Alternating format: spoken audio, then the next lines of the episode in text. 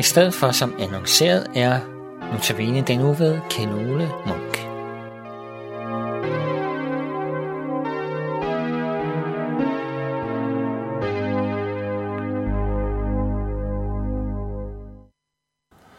Og i dag skal vi øh, tage udgangspunkt i en fortælling, som Jesus fortæller om en fariser og en toller. De går begge to op til templet, øh, jødernes kirke, kan man sige, og hvor fariseren han går helt op foran og fortæller, siger tak for, at han er sådan et rigtig godt menneske, øh, at Gud har givet ham så mange evner, og, og han kan være så dygtig også til at læse Bibelen, og så videre, og så videre. Og så kommer der en toller, og han tør ikke engang gå indenfor. Han står helt nede ved døren, og så siger han bare nogle få ord. Gud, vær mig synder nådig. Og ikke mere. Og så siger Jesus om ham, at han gik retfærdiggjort hjem. Fariseren, han minder bønnen. Der er ikke noget hoverende. Han er taknemmelig for, at Gud har skabt ham, som han er.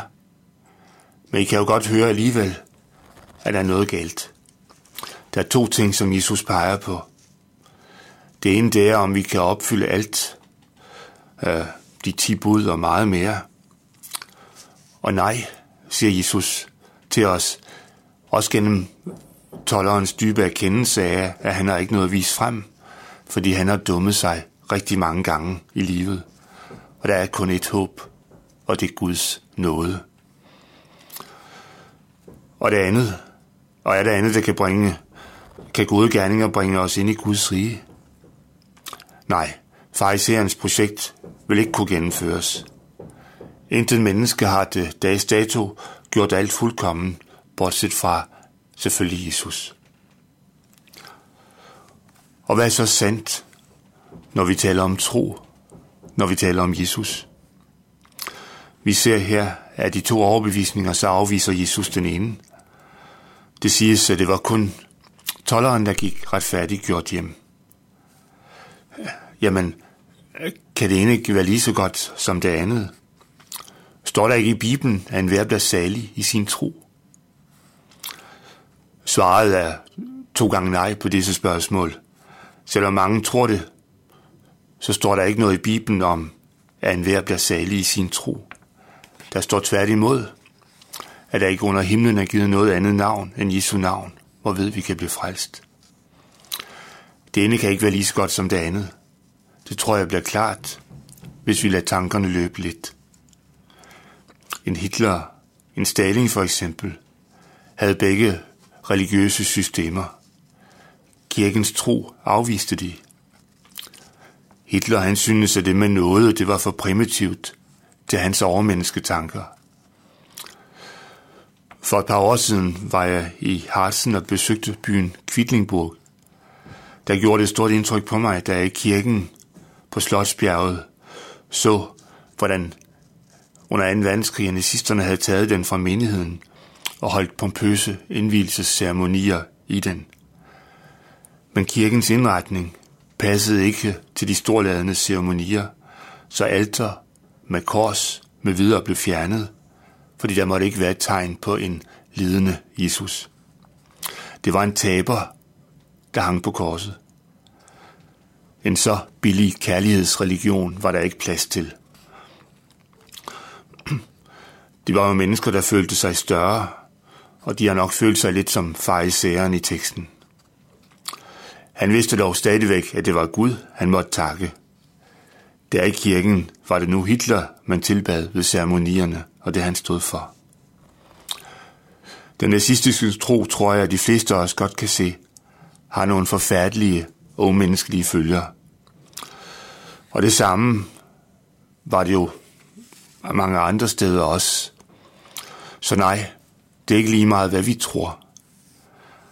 Uden den opstandende Jesus, der døde på korset for vores skyld, uden hans tilgivelse, så er der ingen, der går hjem som retfærdig.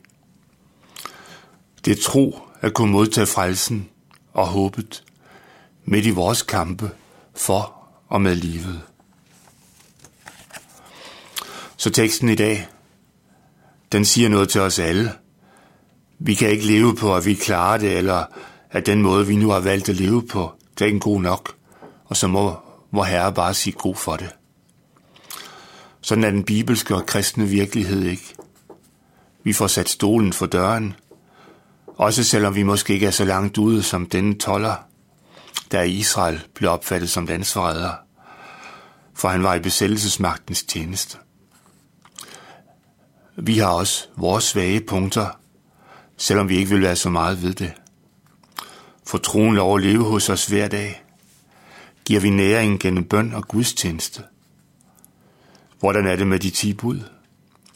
Bud om ikke at vidne falsk mod de næste, som jo også betyder, at man ikke må tænke ondt, eller sige noget ondt, eller bringe snak videre om et andet menneske. Eller hvad med budet om ikke at stjæle, som jo også handler om, at man stjæler tid fra hinanden, eller stjæler muligheder for hinanden. Ja, når vi stopper op, så må vi nok alle erkende, at vi har ikke anden mulighed end tolerance. Og så er det fantastisk, at vi har en Gud, der vil os det godt. At han gør alt, for at vi kan blive frelst. At han hører os, også når vi er helt nede i dybet, og ikke har så mange ord, ikke andet end denne tollers ord. Gud, vær mig nådig. Det er kristendom, og Gud hører os. Amen.